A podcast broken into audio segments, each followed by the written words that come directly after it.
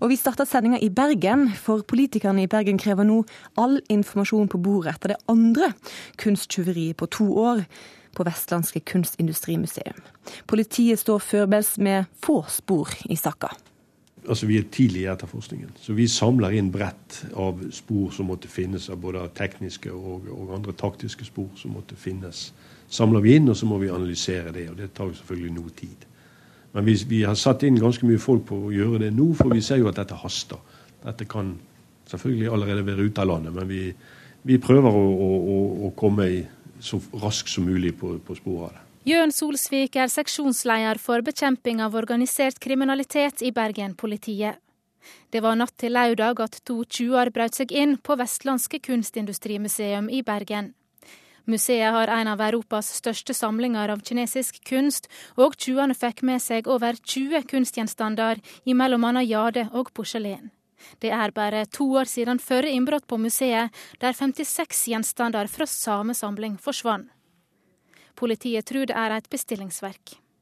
Ja, altså jeg, jeg, vi tror det, at det må være det. Men uten at vi har noe holdepunkt for det, så, så vil jeg tro det. For, for, som sagt, markedet for dette er nok ikke så veldig stort. Mange stiller spørsmål ved tryggleiken på museet.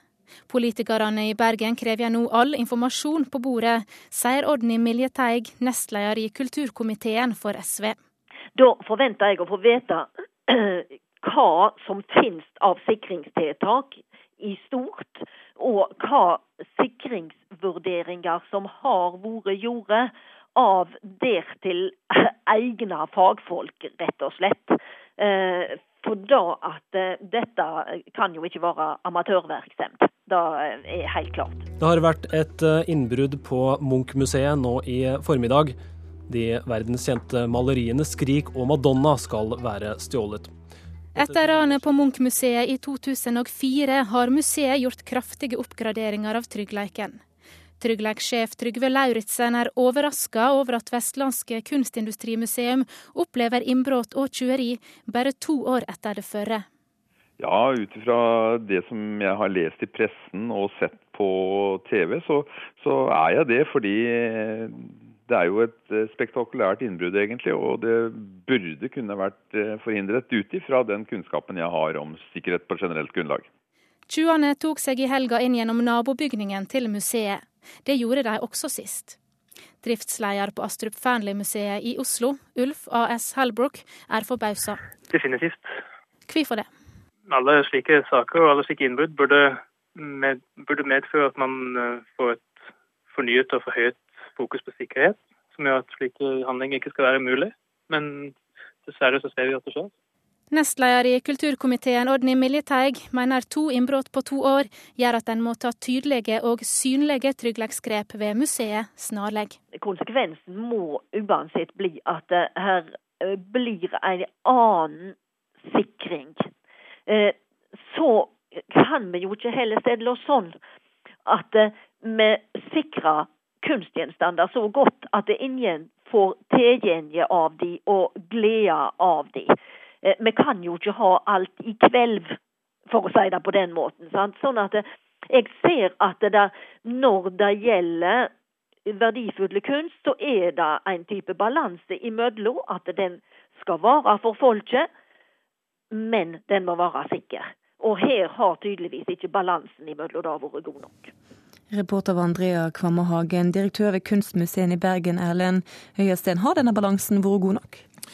Det er alltid et eh, dilemma, eh, denne balansen eh, mellom hvor tilgjengelig verk skal være, og hvor utilgjengelig verk skal være gjennom sikring. Det er klart at Kunstmuseet i Bergen i sentrum har fire bygg av ulik alder og ulik beskaffenhet når det gjelder struktur.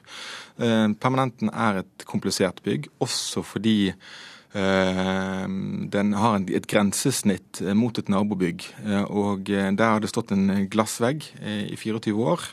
Og har et svært glasstak, som er selvfølgelig problematisk. Men det, det, er jo to år siden sist det var mm. innbrudd. Eh, hva er blitt gjort ja. for å trygge kunsten siden den gang? Ja, eh, Av sikkerhetshensyn eh, så er det slik at eh, jeg kan si ting i generelle ordelag her. Eh, og Det som er gjort, eh, er selvfølgelig at glasstak er detektert, sensor i utstillingslokalet er oppgradert og supplert, kameraovervåkning justert, oppgradert og supplert. vi har fått også gjennomført en sikkerhetsanalyse av, Norsk, av Norsk Veritas.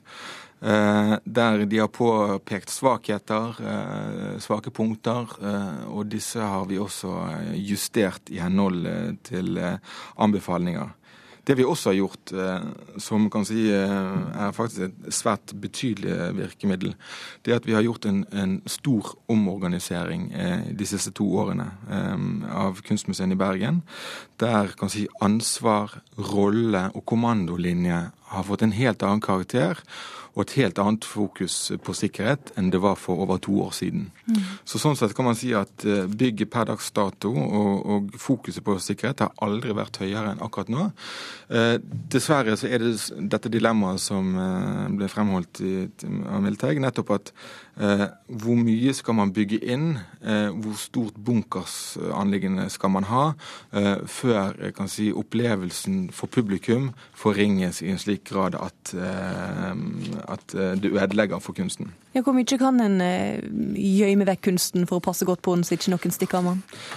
Det optimale ville selvfølgelig være å pakke ned kunsten, gjemme den i hvelv på, på ukjent sted. Eh, men da har vi jo en helt annen situasjon. Da snakker vi om bankbukser, ikke museer. Mm. Nå har dere gjort store endringer for å ta vare på kunsten. Mm. Likevel så ser vi på overvåkingsbildene at det ser ganske enkelt ut. Det er en tjuv som går inn, tar med seg eh, noen verdifulle gjenstander, og det tar ca. 90 sekunder. Hvordan kan dette skje? Nei, Det er ekstremt eh, effektivt eh, det de gjør. Det er jo slik at De beveger jo seg gjennom nabobygget også først.